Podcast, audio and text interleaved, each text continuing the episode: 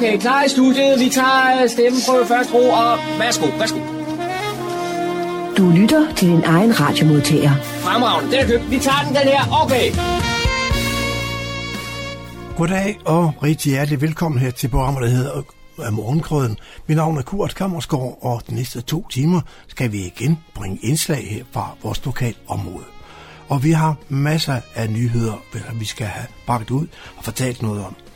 Øh, først så får vi besøg her af Anders Grejs. Øh, han skal fortælle om nogle aktiviteter, som starter her i 1. i september måned, og det gør han til Daniel lige om et øjeblik. Så har John været en tur ned til, øh, til Havnefest nede i Sletten, øh, og det er den, den gamle Sletten Havn, den bliver, er nu 140 år gammel, så der er lidt af hvad at opleve dernede. Og da der var her uh, forleden dag uh, fest dernede, en forleden dag for i weekend, jamen der var John dernede, og vi skal høre nogle optagelser dernede fra.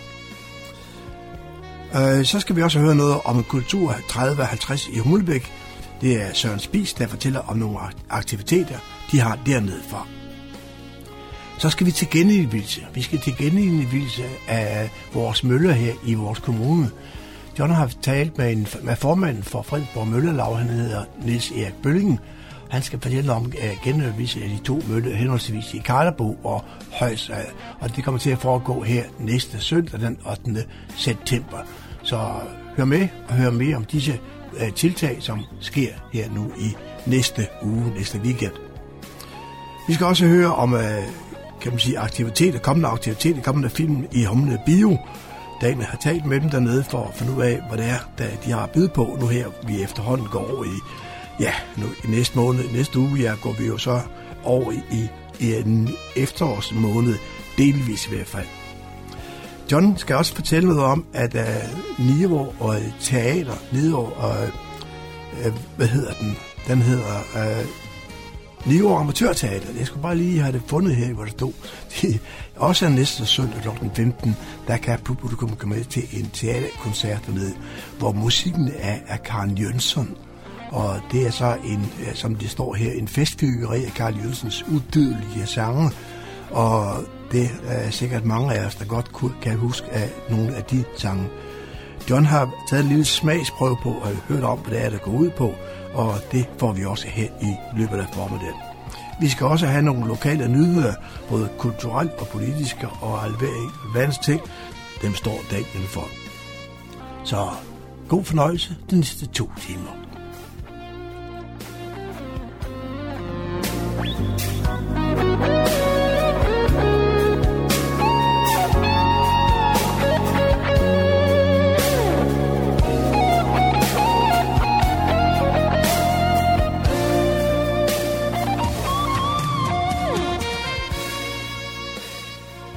Kommende tid er der masser af aktiviteter af forskellige karakterer på Fredensborg Bibliotekerne og rundt på de forskellige biblioteker i kommunen.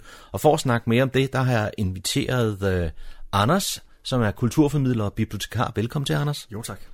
Og øh, det første arrangement, vi skal snakke om på biblioteket, det er allerede her den 5. september, en barselscafé. Ja. Og du må lige forklare lidt, hvad er en barselscafé? En barselscafé, det er jo et sted, hvor man med fordel kan komme, hvis man er på barsel, eller hvis man har små børn. Øh, og, øh, og når vi gør det hos os på bibliotekerne, så, øh, så er det jo øh, for at, øh, at plante de små frø tidligt, kan man sige. Det øh, ved vi jo efterhånden, at, øh, at øh, jo tidligere man får øh, børnene i gang med at blive gode sprogbrugere og den slags, jo, jo bedre rustet er de til fremtiden. Så det vil vi selvfølgelig gerne støtte op om.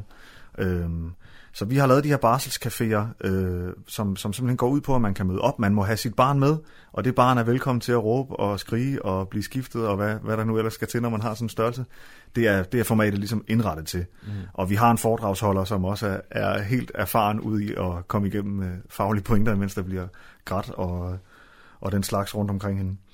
Så, øh, så det, som vi gør her den 5. Øh, september, det er, at vi har en øh, barselscafé, øh, som handler om det, der hedder Early Literacy. Mm-hmm. Og early literacy, det er sådan lidt en, fa- et faglig, øh, en faglig måde at sige øh, tidlig sproglighed på. Det går simpelthen ud på at få, få børnene i gang med at blive gode sprogbrugere fra starten af. Så kan de komme godt fra start, og, øh, og det kan vi simpelthen se, det hjælper dem senere i livet. Så vi øh, får besøg øh, den 5. september af Lisbeth Vestergaard, som ved en hel masse ting om, hvordan man understøtter børns sprogudvikling. Øh, og det vil hun så fortælle om den dag her, og så er forældre og børn er meget, meget velkomne. Øh, og det er sådan, arrangementet er skruet sådan sammen, at man sagtens kan være der med sine små børn. Man skal ikke sådan være bekymret for, at de stikker i et hyl og sådan noget. Og hvilket bibliotek vil det foregå på? Det foregår på Humlebæk Bibliotek. Ja. Det er altså torsdag den 5. september fra mm. kl. 10 til 11 på Humlebæk øh, Bibliotek. Og det koster lige øh, 25 kroner for at være med. Mm. Øh, og der bliver nusset godt om øh, dem, der kommer. Vi laver selvfølgelig noget kaffe og, og lidt mundgodt og sådan noget, så man, øh, så man kan blive godt afslappet og tage imod de gode pointer. Og, og grund til, at vi laver det her, det er, fordi det er en del af, af sådan en lidt større, øh, et lidt større ting, der hedder Læsningsdag, som øh, faktisk er noget, der kommer øh, helt fra FN. Det hedder FN's internationale læse, dag for læse- og skrivefærdigheder. Øh, den ligger egentlig den 8. september. Men på bibliotekerne fokuserer vi på øh, læse- og skrivefærdigheder i hele september måned, og der passer den her barselscafé så fint ind. Ikke? Jo. Og der er jo også barselscafé andre steder på øh, de kommunale biblioteker. Det er der. kan jeg forstå. Det er, det er tilbagevendende, og der kommer ja. der er forskellige temaer for de her barselscaféer, og der kommer altid en eller anden faglig kompetence ud, og giver noget viden til forældrene også, som man kan arbejde videre med derhjemme. Mm. Så det er faktisk et, et rigtig uh, godt tilbud, og det er værd at holde øje med på vores hjemmeside mm. efterhånden, som vi offentliggør dem. Ikke? Og I har lavet den tidligere? Kan det har vi også, ja. og det har været en stor succes. Altså, der kommer mange uh, til det, og det er rigtig hyggeligt, og mm. det er selvfølgelig også, uh, som sådan noget, skal være en lille smule kaotisk med så mange små børn uh, samlet på et sted. Men det er enormt hyggeligt. Og det er også uh, godt som, som uh, ny forældre at møde nogle andre forældre i samme Ja, jeg skulle også til at sige, at det må være givende på en eller anden måde. Ja, Ikke? Altså, ja, og samtidig så kan man jo også låne nogle bøger. Ja, det vil da bestemt ikke gøre noget, hvis man lige Nej. fik lyst til det. Det er jo på bibliotekerne, og vi har rigtig mange materialer. Vi er også til stede, øh, også bibliotekarer, og, mm. og hjælper med at finde materialer, som egner sig til, til det, man nu øh, har lyst til. Ikke? Det har vi jo rigtig meget om. Vi har både bøger selvfølgelig til børnene, som man kan læse med dem, også fra de er helt små. Mm. Og så har vi selvfølgelig også øh, bøger, som retter sig mod de voksne, hvor man kan blive rustet til at give sin, øh, sit barn et, øh, en god start på livet. I vil gerne vide, hvor mange der deltager i Barselscaféen. Ja, det er vi nødt til at vide, Ja. fordi ellers så kan vi jo ikke afstemme forplejningen helt rigtigt og Nej, stille stolen nok op. Så derfor så skal man altså lige sikre sig Mm. en billet, og det koster 25 kroner, øh, som, vi, som vi bruger på lidt forplejning. Ja. Øh, så det skal man ind på vores hjemmeside, fredensborgbibliotekerne.dk, Mm. og lige finde øh, Barselscaféen frem der og sikre sig en billet. Og ved samme lejlighed, så kan jeg også forstå, at øh, biblioteket har fået sådan en ny certificeret pusleplads. Ja, det er rigtigt. Ja. Men det er fordi, det lyder måske lidt øh, fjollet, men det er faktisk lidt øh, vigtigt, at man mm. har øh, ordentlige faciliteter til den slags. Ja. Så det har vi øh, selvfølgelig øh, også lyttet til, så vi har fået nogle rigtig gode puslepladser og nogle ordentlige forhold, så, man, så det rent faktisk kan lade sig gøre at være der med sine spædbørn. Ikke? Mm. Nu fik du i, i snakken her øh, fortalt lidt om, at det er FN's internationale øh, læse- og skrivefærdighedsdag den Ja. 8. september. Det er det nemlig. Og der sker så flere aktiviteter i den forbindelse. Det Så gør der. det skal fejres. Det skal i hvert fald fejres, og vi har sat hele september måned af til mm. at, at fejre øh, læse- og skrivefærdigheder. Så vi laver en hel masse forskellige ting. Øh, Barselscaféen om tidlig sproglighed er, er en af dem, øh, men vi har også en øh, book talk, som er rettet mod de voksne. Det er vores, øh, vores litteraturformidler Rune, der laver den, og det handler om den store læseoplevelse, hvor vi simpelthen skal snakke om nogle af de helt store oplevelser, man kan have med litteraturen, og, og alle kan byde ind. Øh, det bliver super spændende, er jeg sikker på. Det er også den 5. september, og det er fra kl. 10 til 12 på Niveau Bibliotek. Øh, Så det anbefaler, at man, øh, at man kigger forbi der. Mm. Og der behøver man ikke sikre sig billet. Der skal man bare møde op. Og udover det, så er det sådan, at hele september måned, der, der fejrer vi den her øh, øh, læse- og skrivefærdighedsdag. Så vi strækker det ud og, øh, og markerer det hele måneden. Og det, som vi blandt andet gør, det er, at vi forsøger at inspirere til, at man kan finde øh, ny læsning på øh, vores biblioteker. Øh, vi fortæller lidt om vores egne favoritter, også i personalet. Det gør vi øh, på nogle forskellige øh, udstillinger rundt omkring i bibliotekerne. Og, og så kan man selvfølgelig låne vores øh, favoritter med hjem. Og så er der faktisk også mulighed for, at man selv kan dele ud af sine gode læsetips, så andre kan få, få glæde af dem. Og det kører altså hele september måned på, på alle bibliotekerne. Så vi kan jo altså her opfordre til, at man lige går ind på Fredensborg Bibliotekernes hjemmeside og holder øje med de øh, læseaktiviteter, som I har i september. Så inviterer John Marco os med til havnefest i Sletten. Det skete her den 24. august, så øh, lad os høre, hvad han fik med hjem.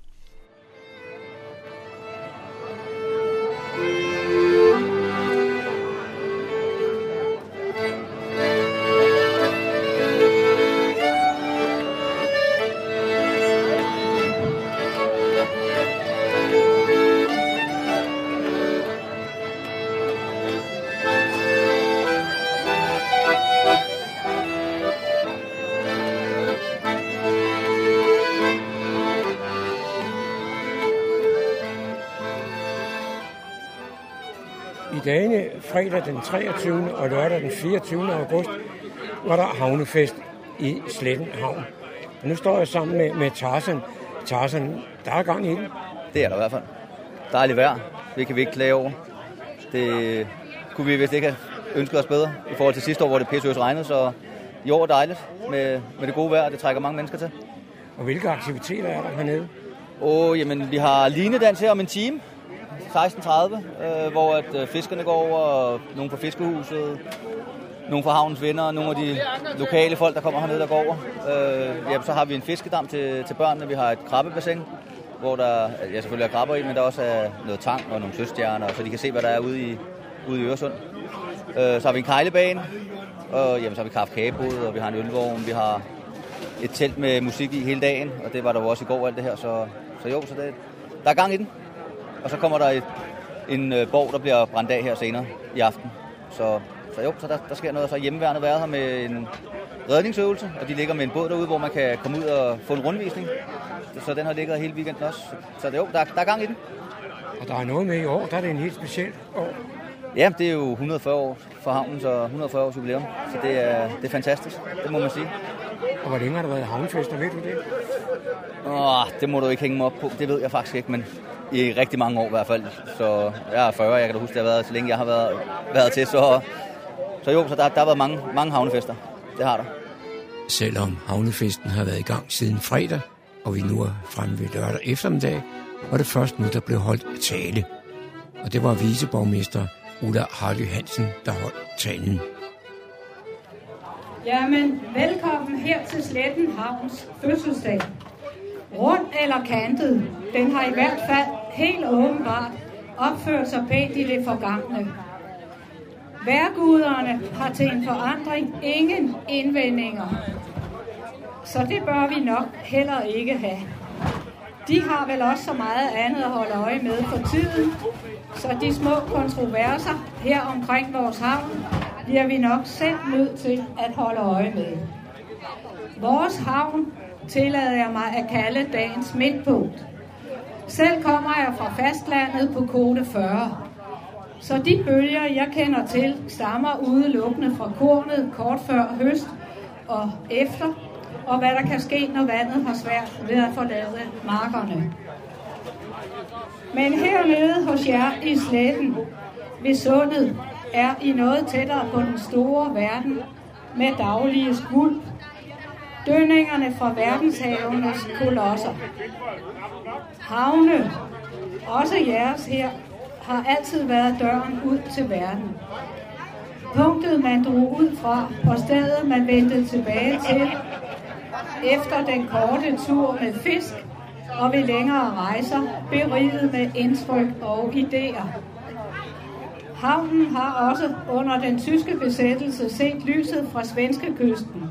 Skyggerne af forfulgte jøder på vej mod frelsen i lyset, og måske røgstriben fra det anskudte moskitofly med de to unge australier, Patton og Peiman, der søgte redning i Sverige efter bumpningen af Sjælhuset i København, men endte deres unge liv i havet bag Ven. Det miljø, der her gennem historien er skabt, er unikt. Byen og havnen er en organisme, der har suget til sig, voksede sig smuk. Og det var havnen, der tog imod. Skabt af fiskeren gennem århundreder, plaget af svenskeren, når han var i det lune. Men nye tider, nye skikke. Udviklingen, som det så positivt hedder, har gjort sin snigende entré, og den kan have sin dyre pris. Nu er sletten bosted for nutidsmennesker, der forstår at værdsætte herlighederne og fastholde historien. Havnen har stadig sine aktive fiskere, de oprindelige skabere af det hele. Men meget af miljøet på molerne er nu præget af lystsejlere, fastboende og besøgende. Lysten til havet er læret i vores gener, og de kan slå sig løs som langs hele Øresundskysten. Blandingen af nyt og gammelt kan være en farlig cocktail, så pas godt på det hele. Tillykke med dagen og nyd festen. Og nu vil borgmesteren yde sit bidrag ved en tur i baljen.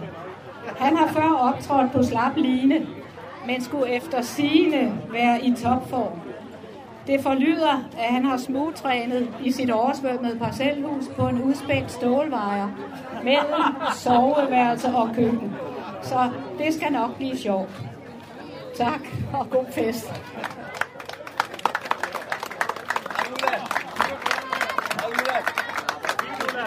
Tusind tak til uh, Ulla Harding.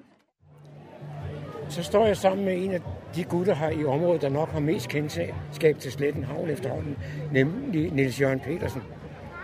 Ja, og vi har lavet en udstilling her. Øh, det er jo det genbrug, øh, historisk udstilling. Og øhm, øh, jeg skriver her så kortfattet som muligt, fordi man har jo erfaring for, at folk har jo ikke tid til at læse. Så derfor så er jeg skrevet velkommen til et besøg hos nogle af de gamle fiskeslægter på sletten.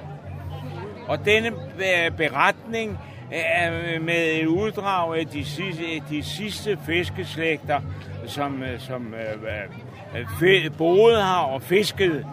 Den strækker sig over fire generationer, og det er fordi, jeg søger tilbage til den person, som hvis fornavn, mands, mandsperson, hvis fornavn jo øh, har dannet efterslægtens efternavn.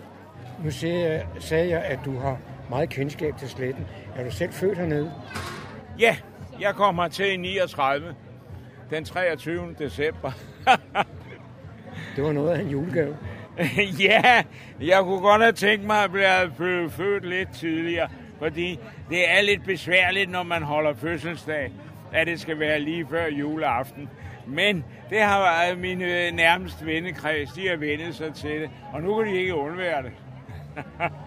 så sådan er det. Så står jeg sammen med Torsten her fra Slettenhavns... Øh, ej, du må hellere selv sige det. Ja, Fiskerlejet Slettenhavns venner. Som, øh, ja, nu er det så 10 år, vi er gang i vores lille forening, som øh, prøver at lave arrangementer, der som skaber liv og stemning og lidt øh, forskyndelse til havnemiljøet hernede. Så ja. Og lige om lidt, så er der et af højdepunkterne. Ja, vi har jo vores øh, linedans, som øh, vi afholder her hver femte år. Og øh, nu øh, der er i hvert fald mindst 15, der skal på i dag, og borgmesteren er jo den ene. Så ja, det bliver spændende. Og det er jo med udklædning og det hele, og fester ballade. Så ligesom tilbage for næsten 100 år siden jo. skal du selv med ud at gå? Ja, det skal jeg. Jeg, jeg har jo et, øh, et øgenavn hernede på havnen, som alle kender mig under. Og det er ikke sikkert, at man skal sige det i radioen, men det har noget at gøre med at gå uden bukser på. Kom du gør med. jeg hedder Torsten Barrøv hernede på havnen, og det, er jo, øh, det har jeg hængt ved lige siden, for 20 år siden. Smed bukserne og gik i gummistøvler og badehætte. Men, øh, men sådan er det. Nu i dag der bliver det med tøj på, tror jeg, for de fleste.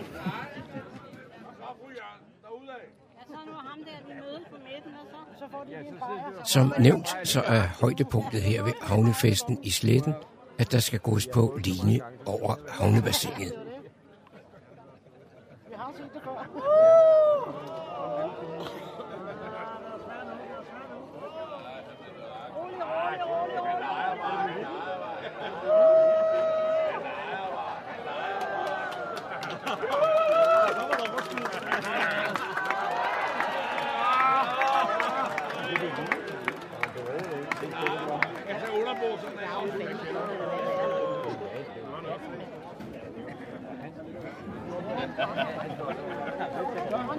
Så kommer vores borgmester, Thomas Løkke Pedersen. Så kommer borgmester Thomas Løkke.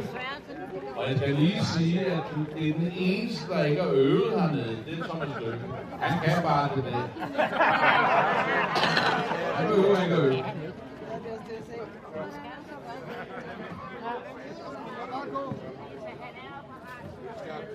Du går sgu da ikke så langt ud, Thomas. Du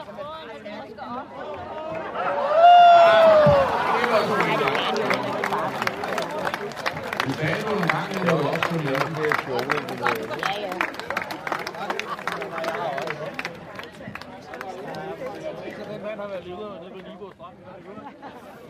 Så står jeg sammen med Fredensborgs borgmester, Thomas Lykke Pedersen.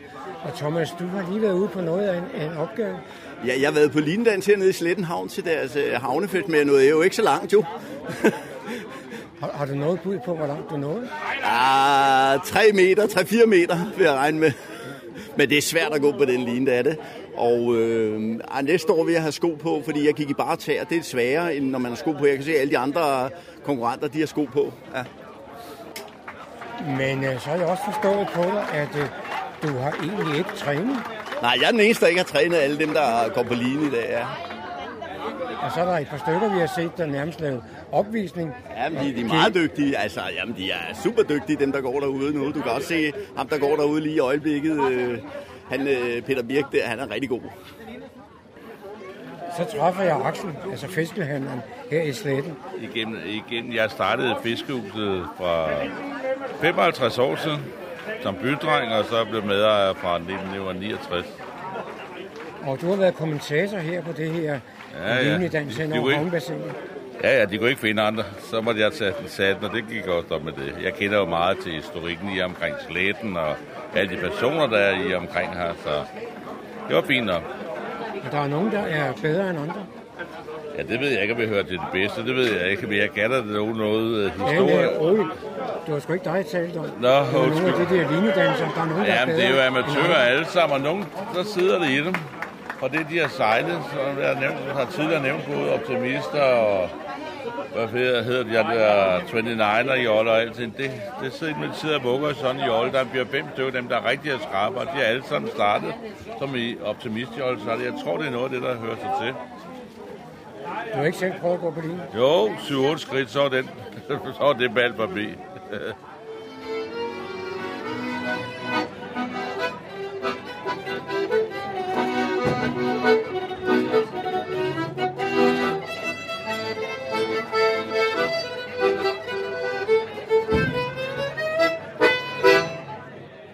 Det var John Marco, der havde produceret dette indslag. Voksen lokal radio til hele Nordsjælland fra Radio Hundeborg.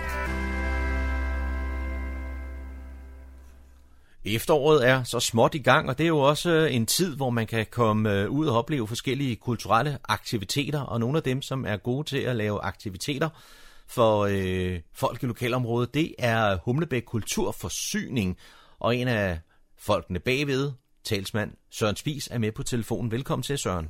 Mange tak skal du have. I er jo så småt gået i gang her på øh, bagkanten af sommeren med at arrangere forskellige ting. Men øh, hvad, kan, undskyld? men hvad, hvad, hvad kan man øh, vente sig af aktiviteter her den kommende tid? Jeg synes, vi har fået lavet et rigtig spændende program, som vi er ret stolte af. Der er også nogle ting i støbeskeen, som jeg måske kan løfte lidt sløret for, men som ikke er helt på plads endnu. Mm. Men øh, det spænder simpelthen fra, fra øh, opdagelsesrejsende, brætspil, øh, byvandringer, øh, quiz, nej, de bedste engelske popstil, og måske lige frem nogle arkeologer. Så der er lidt af hvert at glæde sig til her i efteråret. Ja. Hvis vi skal tage et øh, enkelt arrangement lige og trække ud her den 5. september, det er en torsdag, det er klokken 18, der har I et caféarrangement i Kulturstationen i Humlebæk, og fortæl lidt om det. Der kommer en af Danmarks ægte eventyr forbi. Det er jo sådan, så, øh, så i mit hoved var eventyr noget, der fandtes i gamle dage, opdagelsesrejsen og så videre. Og i dag så tænker man på charterferie og GPS og CNN og tænker, at verden er blevet meget, meget lille og overskuelig. Men øh, så var vi så heldige at rende ind i Elisabeth Finnick, som er en ægte eventyr. Øh, Jeg tjekkede hendes statistik, og hun har altså været både på Nordpolen og Sydpolen. Hun har været på alle syv kontinenter. Hun har været i over 100 lande og krydset ekvator 50 gange. Mm. Så der kan man godt gå hjem og lægge sig med sin tur til Malmø, eller, eller den her tur, fordi det er virkelig en, der har været ude at se verden, og en meget, meget spændende kvinde at høre om og, og fortælle om det her. Der er simpelthen sat hele torsdag aften af til det. Der kan hun bare nå at fortælle om, om en af sine rejser. Øh, hvis Mm. man kender sin Anders And, så ved man også, at, at, eller sin Disney, så ved man, at Timbuktu er sådan ligesom ensbetydende med et sted, der ligger meget langt væk. Mm. Øh, og for hende, der er det altså der, hvor rejsen, den sidste rejse, som hun skal fortælle om, startede. Fordi hun tog fra Timbuktu og så med en kamelkaravane 800 km ud i Saharas ingenting. Øh, med luthermænd og som den eneste fremmede. Så, øh, så det er den rejse, som skal fortælle om det, og som vi glæder os meget til at høre om. Hold da op, ja. Men, øh, og, og, og øh, det er noget, som I godt kunne tænke, at man lige tilmelder sig, tænker jeg. Det må man meget gerne. Der er Ja. ikke nogen tre. Hun er så venlig, så hun stiller op, fordi hun, øh, hun godt kan lide vores koncept deroppe og gerne vil støtte op om at, at skabe liv i lokalområdet. Men øh, man må meget gerne melde sig til, og man må også meget gerne hjælpe med at sige det videre. Men det vigtigste er, at man kommer og ikke snyder sig selv for den fantastiske oplevelse, det er at, at høre om de her helt ægte eksotiske rejser. Ved du, om der er øh, noget, noget billedmateriale, der kommer med, eller står hun bare og fortæller? Vi har jo haft en en gang før i kulturstationen, og der, der var der øh, billedmateriale med fra øh, en rejse til det blå folk, som hun kaldte det. Mm. Så, øh, så det er min forventning her også, at der er, er noget at se på. Men øh, under alle omstændigheder er hun som sagt meget fascinerende møde, så jeg vil våge påstå, at hun kunne sidde i mørke, og det stadigvæk vil være særdeles spændende. Ja. Søren Spies, en af de øh, nye tiltag, du har haft lavet gennem det seneste års tid, det er sådan noget som byvandring i Humlebæk, og det fortsætter her i efteråret. Jeg kan næsten forstå, at der er tilstrømning, for der er udsolgte arrangementer. Tillykke med det. Ja, jeg har været nødt til at sætte en, en grænse på for at sikre, at alle har en god oplevelse. Ja. Øh, fordi de, nogle af de første ture havde jeg måske 66 med, og det, øh, jeg kan godt råbe dem op, men det betyder til gengæld, at, at når man går fra A til B, så tager det sin tid, så det bliver meget ventetid. Så derfor er der 20 pladser til hver byvandring, ja. og der er tre forskellige ruter, så, øh, så man skal ikke vente alt for længe, hvis man har lyst til at se på, på en bestemt del af byen. Nej. Og I har et arrangement, som I har øh, meldt udsolgt den 14. september, men så den 28. september, der kan man se en anden del af Humlebæk. Der går turen vestpå, mm. øh, og det, noget af det, der er meget spændende på den del, det er blandt andet, at vi snakker om det gamle teglværk, som har givet navn til Teglværksvej, og hvor der er nogle historier fra, fra 2. verdenskrig med jøder, der blev gemt osv. Så, videre. så det er et af de, de, øh, de dele af turen, der er ret historisk, men man kommer også ud og ser nogle, nogle ting og lærer byen at kende. Fordi det har jo aldrig været sådan, altså det er Lokalhistorisk Forening, der laver de rene historiske ture. Og det vi laver, det handler jo lige så meget om nutid og, og, og bare nyde naturen og sikre skoleveje og alt det her. Så det er øh, både noget for tilflyttere og for folk, der har boet her mm. hele deres liv. Det er indtil nu lykkedes, lykkedes os altid at have noget nyt med, så selv øh, indfødte har opdaget et eller andet nyt ved deres by, og det, øh, det er stadigvæk målet, at vi gerne vil det. Ja. Og er det så dig, der øh, fortæller om, øh, om Humlebæk på de her ture? Indtil nu har jeg været den eneste guide, men her er vi faktisk øh, meget tæt på at kunne have en medguide med endnu større lokalområde til øh, kendskab til det, netop det her lokalområde mm. med. Og det øh, ser jeg frem til, fordi det har hele tiden været meningen, at, at jeg godt vil lave forskellige ture. Fordi en arkitekt vil jo fremhæve noget helt andet, når man går gennem øh, byen, end en biolog eller en, en øh, IT-mand som mig. Så det er nogle helt forskellige ting, den enkelte guide vil, vil fremhæve. Øh, og det er det, vi, vi håber på efterhånden at blive bedre og bedre til. Men øh, indtil videre er det, er det mig, der forsøger at være all-round guide på alle turene. Og det er jo rigtig sjovt, at man kan starte sådan en, en ny ting, som går hen og bliver en succes. Jeg kan jo ikke lade være. Altså, jeg opdagede, at der var tilflyttere, som ikke, øh, ikke havde opdaget nogle af de smukke steder osv., så, videre. så tænkte jeg, det må, det må nogen gøre noget ved. Mm. Så tænkte jeg, hvem er de nogen? Og så fandt jeg ud af, så må jeg hellere gøre det selv. Så Ja. jeg er sikker på, at det sker. Og, og en anden ting, som øh, du har været med til at starte op i, i foreningens regi, det er jo sådan noget som uh, brætspilaften. Og det har en, den, en, uh, den 12. september. Ja. Ja. Det er jo også en af dem, der er, er nogenlunde enkle at planlægge, men, men meget, meget hyggelige. At, at vi kender alle sammen det her, man har lyst til at spille, og resten af familien gider ikke, eller man bor alene, eller hvad det er. Så det har hele tiden været noget, vi håbede på kunne blive sådan en fast tilbagevendende mm. første onsdag i hver måned eller et eller andet. Ja. Der kom vi ned. Så vi, øh, vi prøver det, og vi har prøvet på forskellige tidspunkter og fandt ud af, at, at søndag eftermiddag øh, i sommerhalvåret, den er i hvert fald ikke god. Så det, øh, det vi i hvert fald spoler os frem til, at det skal være en aften. Ja. Et aftenarrangement. Så vi prøver det, og alle er velkomne. Og igen kan man tage sin egen spil med, eller bruge dem, vi råder over allerede. Og så bare det øh, socialt at komme ud og snakke med nogle andre mennesker, og så lave noget andet samtidig med. Det kan jo være meget godt. Og, og denne sæson har vi også øh, udvidet det til at have sådan, en, som sagt en quiz night i bedste engelske popstil. Mm. Med spørgsmål og præmier sponsoreret af de øh, lokale firmaer osv. Så, videre. så der satser vi på, at man simpelthen kan sætte sig ned og drømme sig tilbage til tiden før Brexit og, og nyde rigtig engelsk popstemning, selvom det er midt i Humlebæk. Mm. Og, og hvornår er det, I har den her popquiz? Popquizzen, det er den 10. i 10. og det er Linds Kaffebar, der lægger hus til, og vi forsøger selvfølgelig at, at give den gas med nogle engelske øltyper, eller gøre alt, hvad vi kan for at skabe en rigtig stemning. Mm. Og øh, hvem er, vil være quizmaster? Det er lidt hemmeligt, men jeg kan sige, at han hedder Jonathan, og han er ægte brite, men kan også dansk. Så vi, øh, vi gør alt, hvad vi kan for at få en rigtig stemning, uden at skabe sproglige misforståelser. Så øh, vi tager det bedste fra begge verdener. Mm. I laver også nogle aktiviteter kun for foreningens medlemmer. Ja, der er nogle, for eksempel nogle koncerter, hvor det er billigere for foreningens medlemmer, og så laver vi nogle, der er udelukkende for, for, øh, for medlemmerne. Mm. Det eneste her efter sæsonen, der er, er forbeholdt medlemmerne, det er vores øh, inspirationstur ind til Kulturhuset Absalon. Ham, øh, Leonard Lagovic, stifteren af Tiger-forretningerne, ja.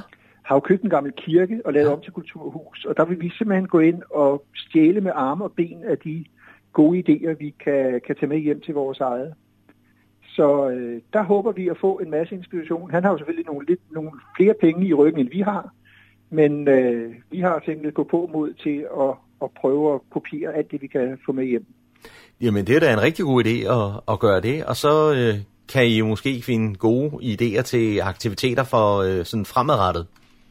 Det er jo det, fordi der er jo altid noget i støbesten. Jeg nævnte før også, at vi, vi blandt andet har snakket med nogle arkeo, øh, amatørarkeologer, der vil komme og demonstrere, hvordan man bruger, bruger metaldetektorer og så videre, hvis der var, der var nogen, der, der skulle have mm. lyst til at kigge på det.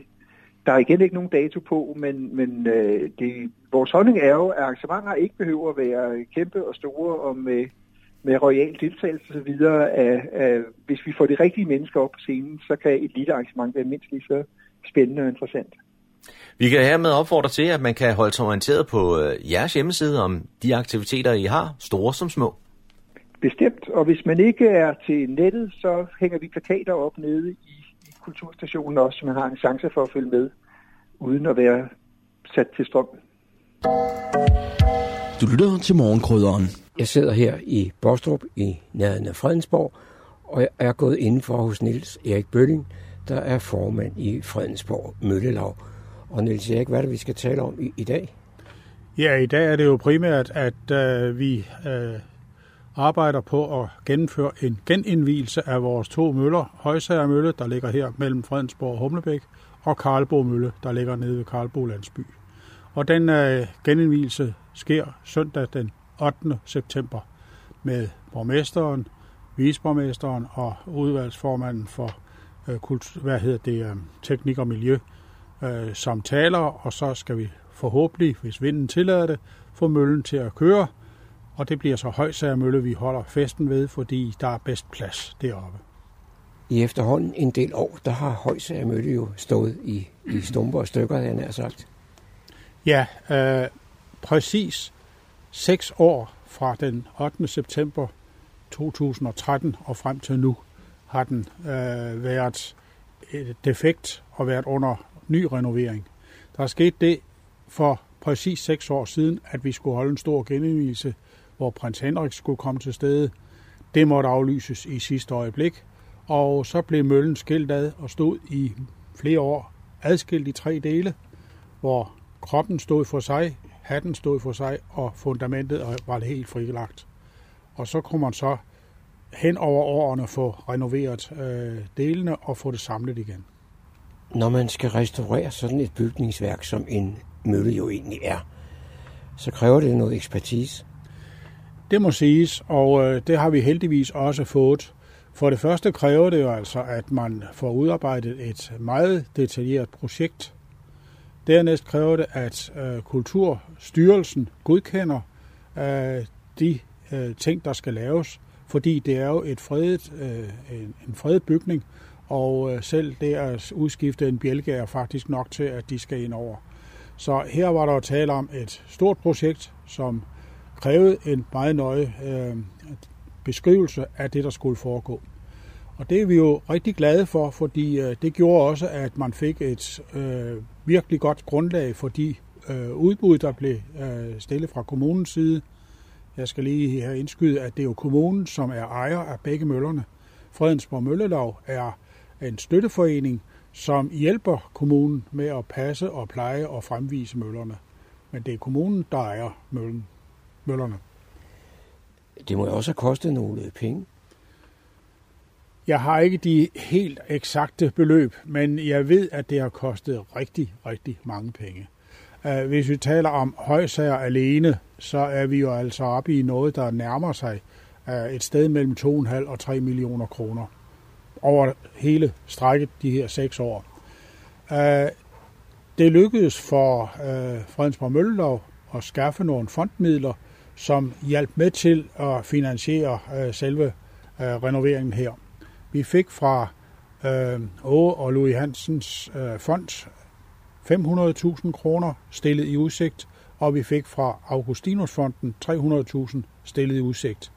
Og når jeg siger stillet i udsigt, så er det jo fordi, det forudsatte, at øh, møllen arbejdet det blev helt færdiglagt. Og øh, jeg vil påstå, at det var måske lige det lille bitte sidste skud, der skulle til for, at kommunen fandt de resterende midler sidste år hvor øh, det sidste arbejde så gik i gang. For hvis ikke øh, kommunen havde fundet de sidste midler, jamen så havde vi også mistet de 800.000, der var stillet i udsigt. Så skal vi tilbage til søndag den 8. september, ja. hvor man genindviger. Kunne du fortælle lidt om de aktiviteter, der er i den anledning? Ja, vi har været en lille arbejdsgruppe med øh, kulturforvaltningen, øh, ejendomsforvaltningen og arkivet, øh, samt øh, også her fra lavet, øh, som arbejdede sammen om at prøve at få skruet en festlig dag sammen. Og øh, dagen vil øh, starte med, at øh, vi klokken halv 11, øh, der går borgmesteren på talerstolen og øh, holder den første tale.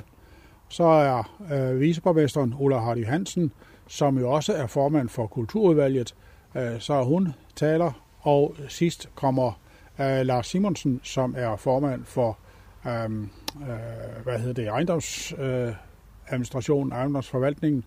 at han kommer på banen, og efter disse officielle taler, så er det så meningen, at vi skal starte møllen op. Det bliver forhåbentlig sådan, at borgmesteren kan trække i perse øh, kæden, og så øh, skulle den meget gerne starte. Øh, det vi jo så har som det springende punkt, det er øh, vinden. Og det er jo altid en møllers øh, store øh, bekymring. Er det vindstille, eller er der vind?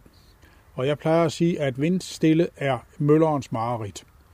Øh, er der ikke vind nok, så vil møllen simpelthen ikke køre. Og så må vi stå og kigge på, at den er frilagt, men der sker ikke noget. Vi håber på god vind. Der kan vel også være for meget vind? Ja, men der er vi jo så heldigt stillet, at uh, netop Højsager Mølle nu har fået en ny vingekonstruktion, det vil sige en ny gammel, fordi den har haft den vingekonstruktion tidligere. Øh, det øh, består i, øh, man kan populært kalde det en persienne vinge, man kan betjene ned fra jorden. Og det gør så, at man kan lukke øh, klapperne så meget op, så de næsten ikke fanger vinden. Og dermed kan den altså også styres selv med meget kraftig vind. I modsætning til for eksempel Karlebo, der er sejlførende. Det vil sige, at hver gang man skal skifte sejlføringen, så skal man stoppe den helt ud og have fat i sejlene, og så starte op igen. Her kan vi bare nøjes med at trække nogle kæder. Og så er det jo klart, at når I nu har fået et par møller, der er restaureret, så vil vi jo også gerne vise dem frem med rundvisninger og så videre. Men udover det, så sker der jo også meget andet. Ja, vi har jo vi har jo prøvet at få engageret nogle, nogle øh, lokale aktører til at komme på banen og hjælpe med at markere dagen ude ved Højsager Mølle. Vi skal ikke glemme, at det også er Karlebo Mølle, vi øh, fejrer i den her anledning. Den er næsten sideløbende med Højsager blevet renoveret og står også fuldt funktionsdygtig i øjeblikket. Men øh, vi har op ved Højsager Mølle jo god plads til, at der kan være aktører på, så vi har aftalt det med, øh, skal jeg lige huske dem alle sammen, vi har Danmarks Naturfredningsforening øh, for øh, lokalafdelingen her. Vi har Borgerforeningen Fredensborg. Vi har Bevaringsforeningen Fredensborg. Så har vi fået kontakt til Karlbo Skoles forældreforening, som også kommer.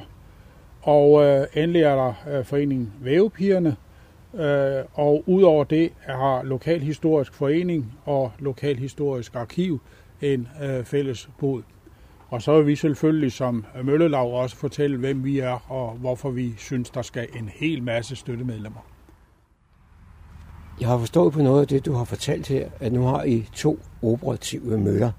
Har I også nogle møllersvende, der kan betjene dem? Ja, vi har i øjeblikket uh, en lille gruppe af frivillige, som uh, uh, møder trofast frem. Men uh, nogle af dem er altså det, vi kalder arbejdsramt, så de er lidt, de er lidt svært ved at komme i, i dagtimerne. Og uh, det kan gå her i, i sommerhalvåret, at de så møder på kanten af fyraften og offer måske et par timer på det. Men øh, når vi når hen i den mørke tid, så er vi altså nødt til at koncentrere os om dagtimerne, og det bliver svært. I forvejen så er vi lidt øh, handicappet af, at nogle af vores rigtig gode frivillige er øh, sygemeldt i øjeblikket, men øh, de er under bedring, og øh, vi håber snart at se dem på banen igen. Men vi er for få, og vi kunne godt bruge nogle flere, så skulle der være en eller anden, der bare synes, et par timer om ugen kunne være noget, så er vi altid øh, imødekommende. Og kig omkring, for eksempel ude ved Højsager Mølle, hver torsdag formiddag, der er vi der. Niels Erik, jeg tror, du misforstod mig lidt, fordi jeg var jo lidt inde på, om der var nogen af jer, der er uddannet som møllersvend. Nå, ja, ja. Altså, Møllersvend og Møllersvend. Jeg vil sige det på den måde, at hvis man skal uddannes som Møllersvend, så skal man jo igen med en læretid, ligesom de er i Holland. Det er noget med næsten fire, timer, øh, fire øh, års øh, læring før man kan alt det der. Vi andre, vi er jo nogle glade amatører. Vi øh, har fuldt forskellige småkurser, og øh, vi håber også at få mere og mere uddannelse, og selvfølgelig især rutine med at køre med møllen. Øh, det første bliver bare at køre med selve maskinen, altså få øh, vinger og alt værket til at kunne øh, fungere. Det næste, og det bliver den rigtig øh, spændende, det er at få gang i kværnene. For først når der er gang i kværnene, og vi kan putte noget korn i og få mel ud i den anden ende, så bliver det rigtig spændende. Og det, det har vi altså til gode endnu. Måske kan du lige gentage, hvornår det her arrangement det finder sted?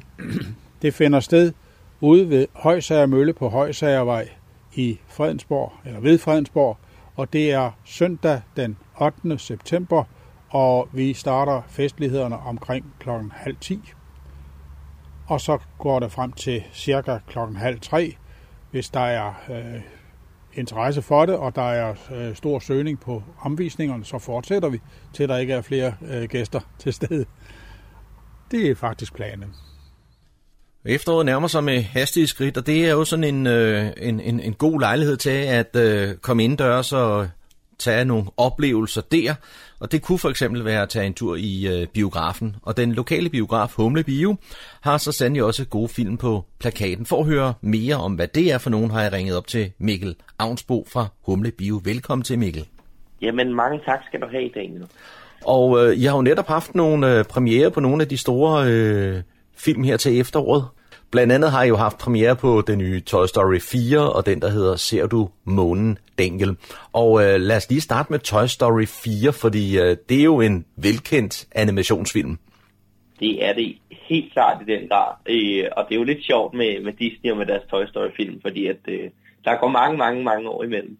Øh, og det er også derfor, at vi sådan lidt tænker, at den faktisk appellerer bredt til publikum, at det ikke kun er... Øh, er i, hvad hedder det, det, det er nok et flere generationer, der, der helt klart vil komme ind og gæsten til den. Det og, tror jeg gerne. Det kunne sagtens være sådan noget som far og søn gå ind og ser, ikke? Jo, netop. Øh, vi har så valgt kun at tage den ind med, med dansk tale øh, heroppe hos os. Mm. Mest også fordi, at nu er det jo også en, en animations- og, og familiefilm, ikke? Og det er, jo, det er jo nogle af det, som, som vi altid højner meget heroppe i Humle Bio, at øh, familier med, både de helt små børn og op efter, de, øh, de skal få nogle gode filmoplevelser. Så øh, helt klart, så, øh, så er det bedst med, med den danske version. Mm. Og jeg tænker, det er den her eventyrverden, som øh, Toy Story jo øh, normalt er inde i, som er omdrejningspunktet.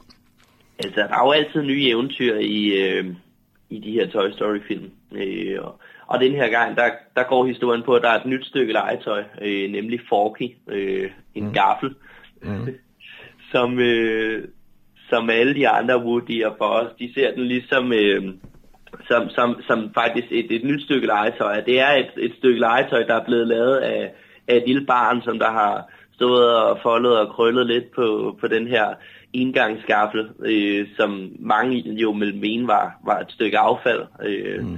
og, og det er så her, de, øh, de ligesom indser alle de andre velkendte øh, lege- legetøjsvenner der, at, øh, at det faktisk også er et legetøj. Mm. Så øh, igen er det Adder øh, på eventyr mod det uendelige univers, som vi kender det i, i alle de foregående Toy Story-film. Ja, ja, og jeg kan da fortælle sådan en lille øh, sjov anekdote omkring det, at øh, nu har jeg så en, en søn på 8 år, ikke, som øh, allerede i starten af august måned begyndte at snakke om den her Froggy, og har selv fået designet sin egen variation af den. Ej, hvor fint. Hvor fint. Ja. Ja, men øh, den øh, kører sådan et øh, godt stykke ind i september måned, kan jeg forstå. Det kan du tro, den gør. Ja. Det, øh, den, den kører i hvert fald i, i tre uger, og så ryger den på weekendvisninger, når vi kommer lidt længere hen mod slutningen af, af september.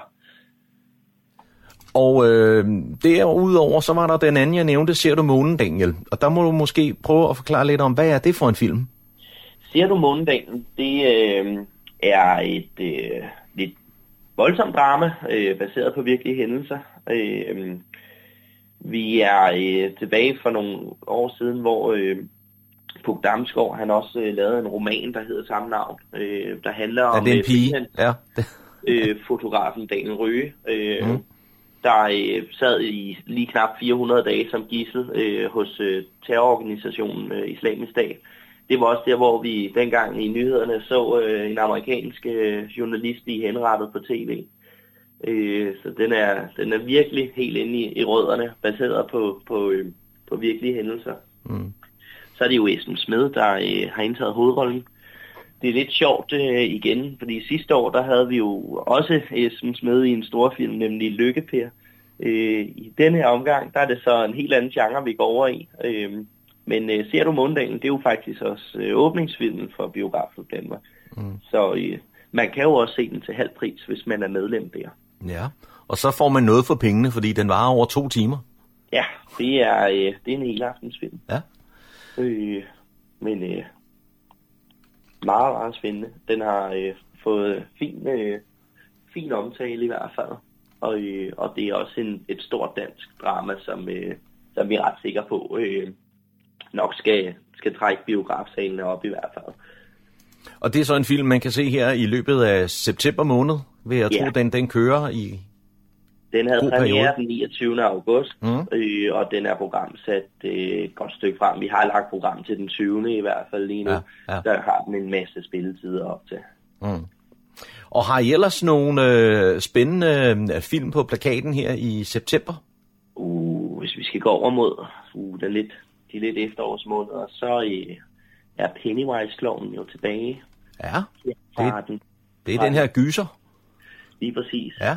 Øh, Pennywise, det er jo helt tilbage fra, fra 86 med kloven, øh, som dengang blev spillet af Tim Curry. Mm. Ham kender vi også fra The Rocky Horror Picture Show. Så øh, det er måske også en velkendt skuespiller. Øh, så her for to år siden, der kom der en, en, en 1, del 1. Øh, og det er jo så selvfølgelig med, med et helt nyt cast. Øh, og den er så stoppet et sted. Øh, det der er hele baggrunden for de her IT-film, det er, at den her onde klovn her, den vågner op hver 27. år. Øh, så her i del 2'eren, der får premiere her den 5., der er vi jo så 27 år frem i tiden. Mm. Øh, og og der, der, øh, der fortsætter vi selvfølgelig lidt, hvor vi slap. Øh, det er jo selvfølgelig nogle nye skuespillere, de har hentet ind, fordi nu er de jo voksne, de skuespillere, vi så som børn her for to år siden. Øh, men det er sådan med udgangspunkt i, at den her klovn, den øh, ligesom efter 27 år endelig kan komme op igen øh, og så terrorisere øh, det, der er oversat til taberklubben, eller Losers Club, som de jo også bliver kaldt i filmen. Øh, men øh, vi startede forsalget til den her øh, sidste uge, øh, og der er allerede øh, en del, der har købt til, til de første forestillinger. Så er man interesseret i at få et godt gys og øh, gru og alt det der, så er der en god oplevelse i den. Og man skal virkelig også øh, være forberedt på, at det er tre timer spilletid, vi kommer op på. Sådan. Det er også en af de helt lange helaftensfilm. Ja. Øh, og så den får også en censur på 15 år, ja. øh, når vi er over i den her genre, ikke? Det er der ikke noget at sige til. Nej. Øh, og, og så kan jeg så se i den modsatte boldgade, det er så lidt længere hen i september, slutningen af september, så er der noget, i en helt, noget helt andet, fordi det må være noget mere festligt mukke- og vejfesten af Wolf Morgenthaler. øh, det ligner, det er en animationsfilm. Ja. Ja. Og vi er faktisk lidt, øh, fordi vi har nemlig også kørt forfilm på den, på nogle af børnefilmene. Mm. Men vi er lidt i tvivl om, om den nu får en, øh, om den får en syver, eller om den bliver vurderet lidt højere.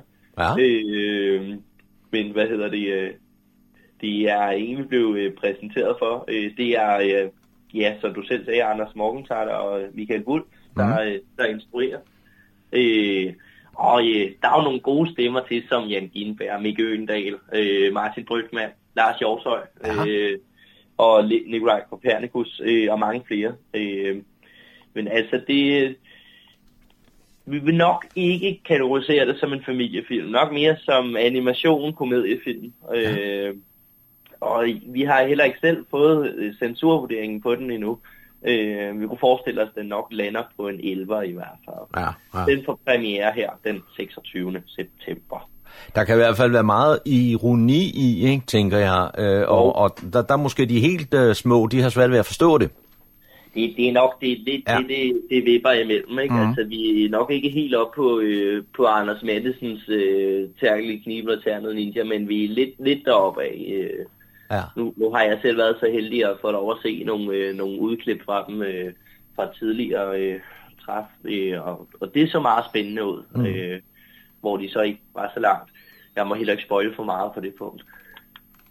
Nu øh, er der jo en hel del film, øh, der kommer godt i gang her i øh, september og oktober måned. Jeg vil godt springe lidt i det for over i oktober. Der er ja. der øh, ikke bare en, men hele to musikfilm øh, film på plakaten.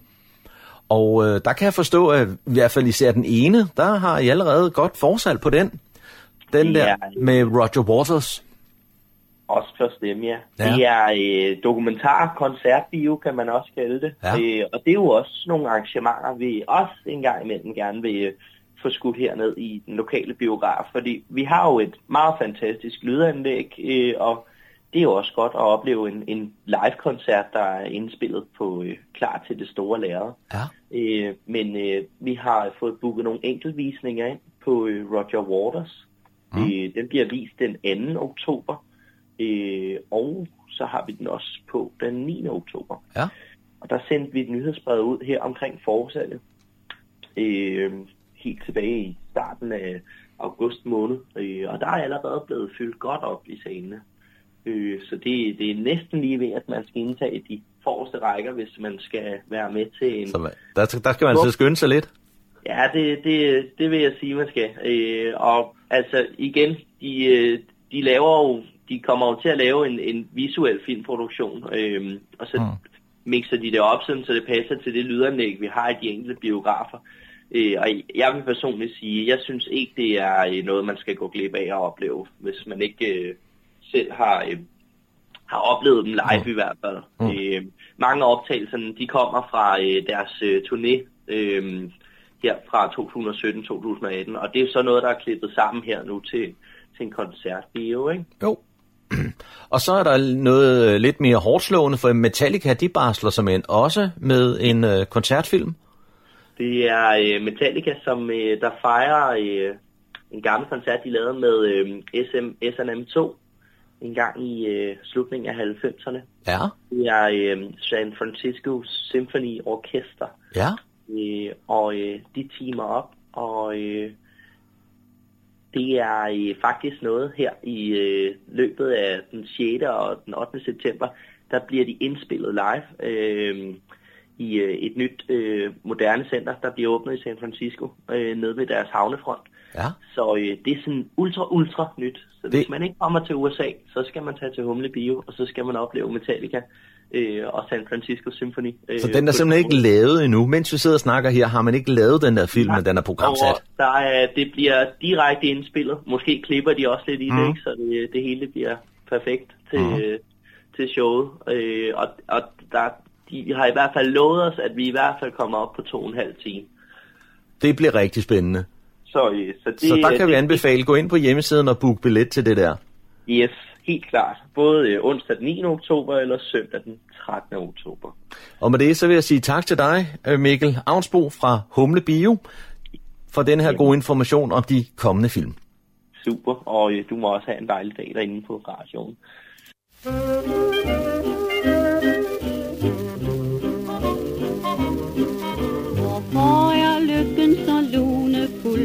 Hvorfor er glæden så kort? Ak ofte er livet så meningsløst hårdt. Hvorfor dog stole på kærlighed, og hvorfor dog smile der ved, for smilet bliver tårer, før solen går ned. Den ven du tror holder af dig Måske går han fra dig Alt det han gav dig sit ord på Og svor på er glemt Hvorfor er lykken så lunefuld Og hvorfor er glæden så kort Og ham som du elsker Søndag den 8. september kommer Betty and the Boys til Niveau Amatørteater. Denne eftermiddag vil Betty and the Boys fokusere på Karen Jønssons musik og tekster, samt den musik, Jønsson selv var inspireret af.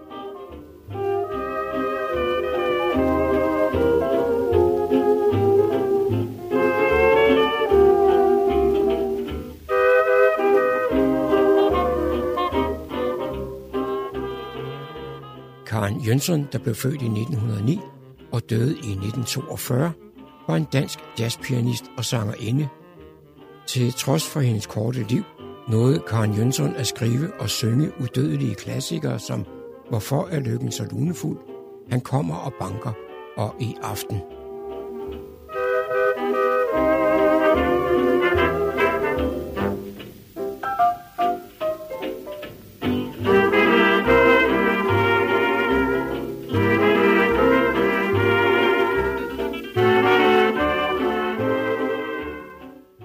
2012 udgav Betty and the Boys trio CD'en Musikken er af Karen Jønsson under trioens gamle navn Christians Ragtime Band. CD'en Musikken er af Karen Jønsson hylder Karen Jønssons alsidige og smukke repertoire. Et repertoire, som hun komponerede og sang gennem sin desværre alt, alt for korte karriere. Betty and the Boys har gennem en årrække arbejdet med Jønsson som en af de danske komponister, der sammen med Kai Norman Andersen har leveret unikke sange til den danske sangskat.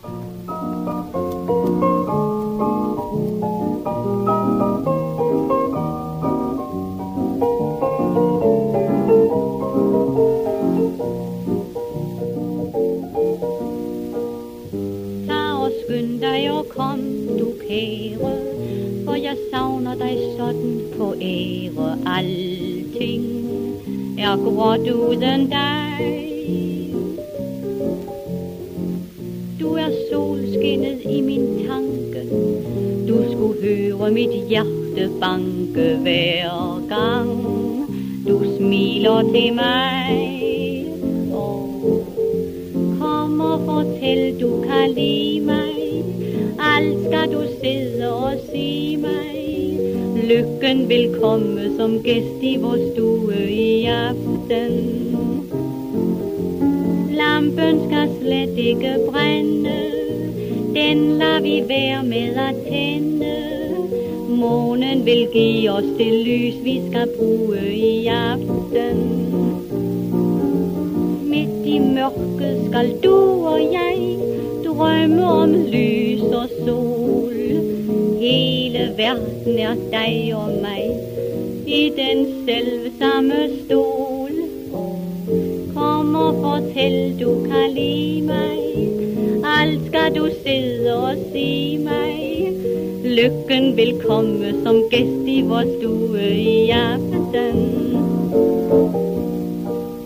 Hele ugen igennem går jeg rundt og tænker kun på, hvornår jeg et år skal se dig igen.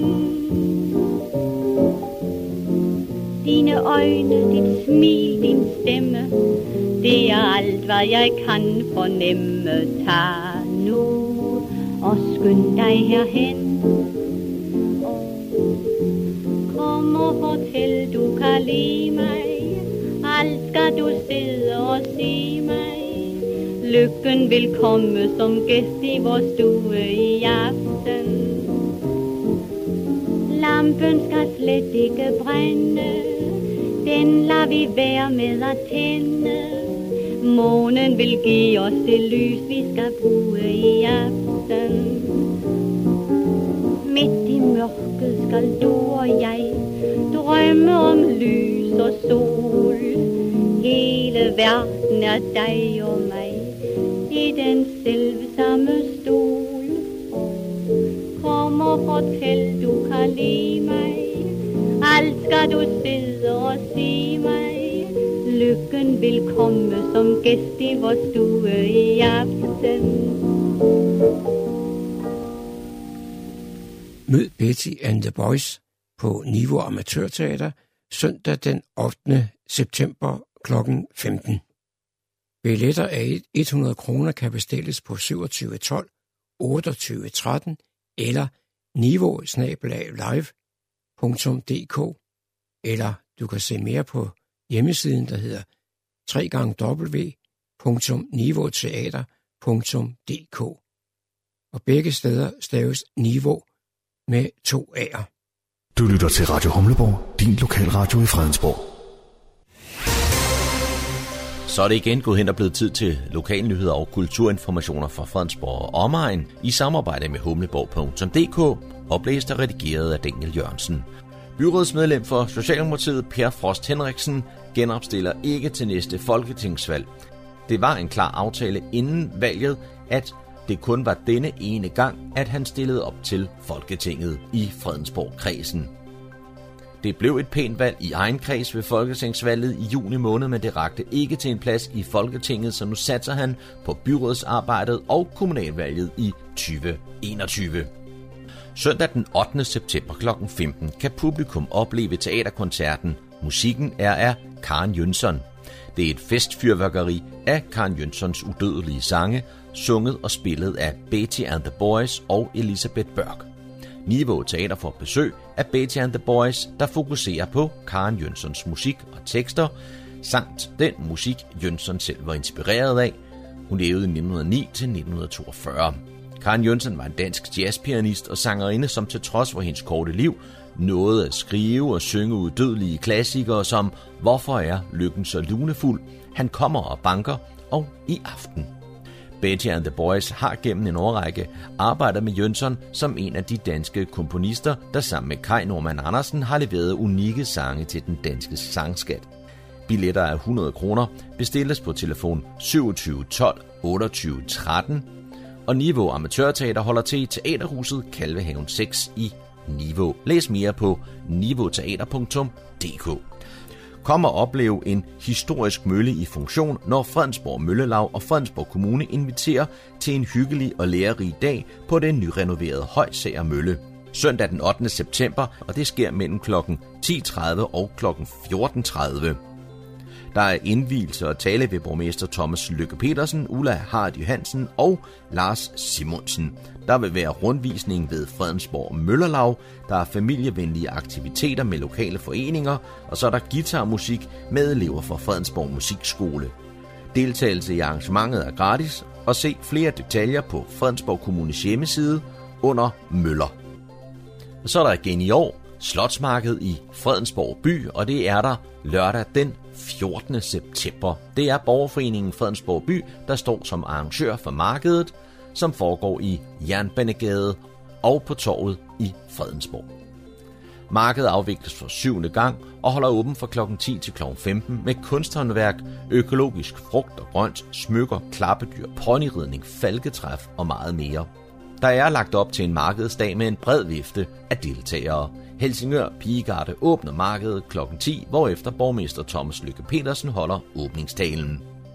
Og det var, hvad vi har fundet frem af lokalnyheder og kulturinformationer for denne omgang, oplæst og redigeret af Daniel Jørgensen i samarbejde med humleborg.dk.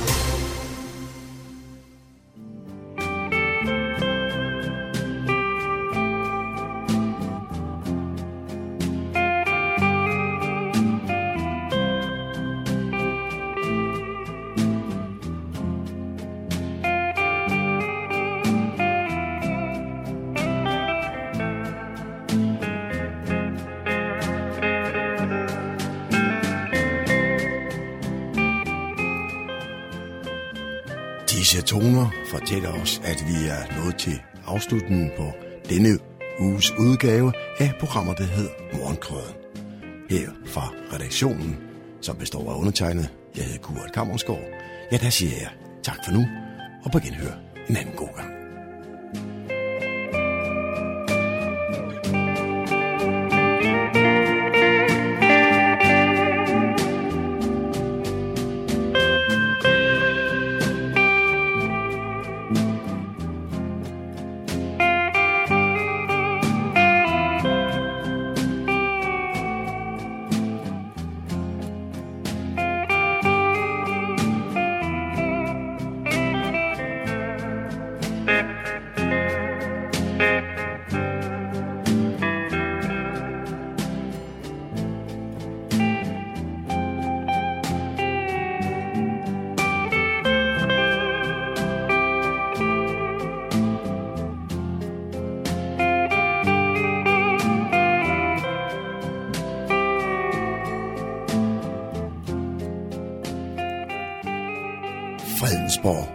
Radio, Radio Humleborg.